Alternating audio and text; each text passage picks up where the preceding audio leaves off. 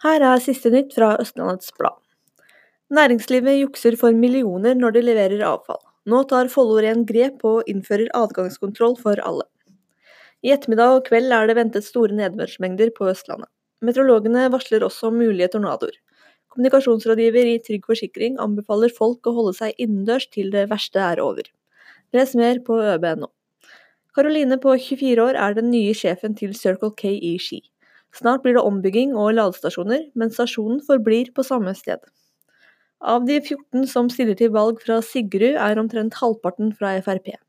Monica Dervo Len er en av dem. Siste nytt fra Østlandsblad fikk du av Natale Kristiansen.